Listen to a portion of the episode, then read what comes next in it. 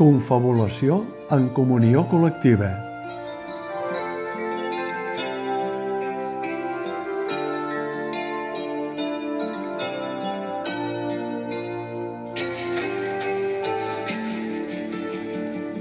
Els espectadors més granats que hagin viscut experiències que ara també es qualificarien d'immersives, amb companyies com La Fura dels Baus, en els seus inicis més radicals i violents, o amb la cubana en els seus espectacles més interactius, atrevits i amables. No els vindrà de nou el muntatge que la companyia argentina Fuerza Bruta, refundada el 2003 a partir de la companyia de la Guarda, una companyia que no amaga que l'any 84 va conèixer l'estil de la fura dels baus catalana i que des d'aleshores se'ls van obrir els ulls sobre el tipus de teatre que volien fer. Si els espectadors del Teatre Cúpula Arenes, encapsulats i confabulats en comunió col·lectiva a peu dret en aquest singular espai, fossin seguidors de Fuerza Bruta o coetanis d'ells, potser tindrien una mirada més subjectiva i crítica que no pas els que s'hi troben per primera vegada. Partim de zero, doncs, que és un avantatge. La companyia fusiona, en un espectacle eminentment visual, un registre experimental, intentant innovar estèticament, tot i que queden poques coses per innovar, i sempre amb un desplegament escènic de dimensions considerables, com ho són les de l'espai de la cúpula del centre de les arenes. Fuerza Bruta Guaira ha arribat a Barcelona després d'un llarg recorregut per 37 països i 68 de les principals ciutats del món. Potser ja tocava, doncs, amb un balanç acumulat de més de 6 milions i mig d'espectadors. Només a l'Off-Broadway s'hi han estat una tirada de 9 anys amb més de 900.000 espectadors novaiorquesos. Immersiva o no, això depèn de cadascú, l'experiència és si no innovadora, almenys estimulant. Llum, so, color, moviment, música, acrobàcia, circ, performance, dansa contemporània, teatre de carrer i un aigua barreig inclassificable que durant 80 minuts té els espectadors amb el nas i els ulls en l'aire on passa cadascuna de les accions de l'espectacle. Després d'una entrada musical a l'estil d'una batucada, que servirà també de colofó al final de l'espectacle, amb aquella airada que ha deixat el Cirque du Soleil tan emparentada amb una permanent banda sonora,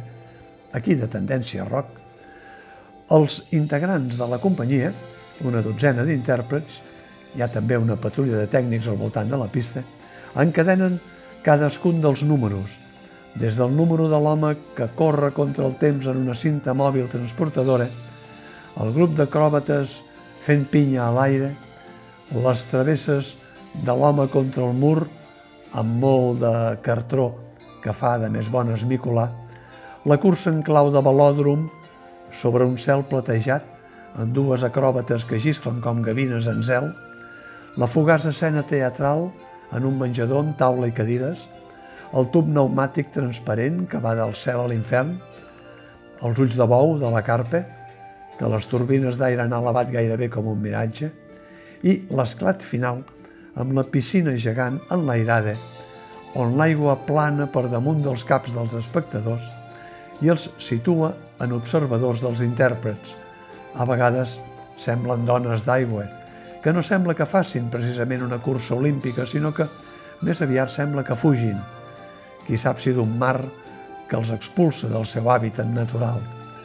Força Bruta a Guaire és d'aquells espectacles per a tots els públics, sense text, que es basen en l'acció i la força física dels intèrprets. No cal intentar trobar-hi ni una trama ni un argument. Si hi és, cadascú el pot interpretar al seu gust. El seu fort és l'acció portada al límit i la sensació que sempre hi ha una encara més difícil, com deia el mestre de cerimònies del vell circ. És també una experiència que, malgrat que adverteix que s'hi vagi vestit còmodament, el perill es queda fora. Força bruta a Guaire és més amable i menys provocador del que ho eren, per exemple, alguns dels primers espectacles de la Fura dels Baus fa gairebé mig segle. Els temps han canviat. La força de la companyia pot ser tan bruta com es vulgui, com diu el títol, però la seva posada en escena és més aviat neta, respectuosa amb els espectadors, gens violenta, és a dir, parlant clar, immersiva, que és el que ara es porta, ni que no se sàpiga ben bé què pretenen les companyies que facin o visquin els seus espectadors quan aquests practiquen la immersió teatral. Sempre queda la incògnita del títol, Waira,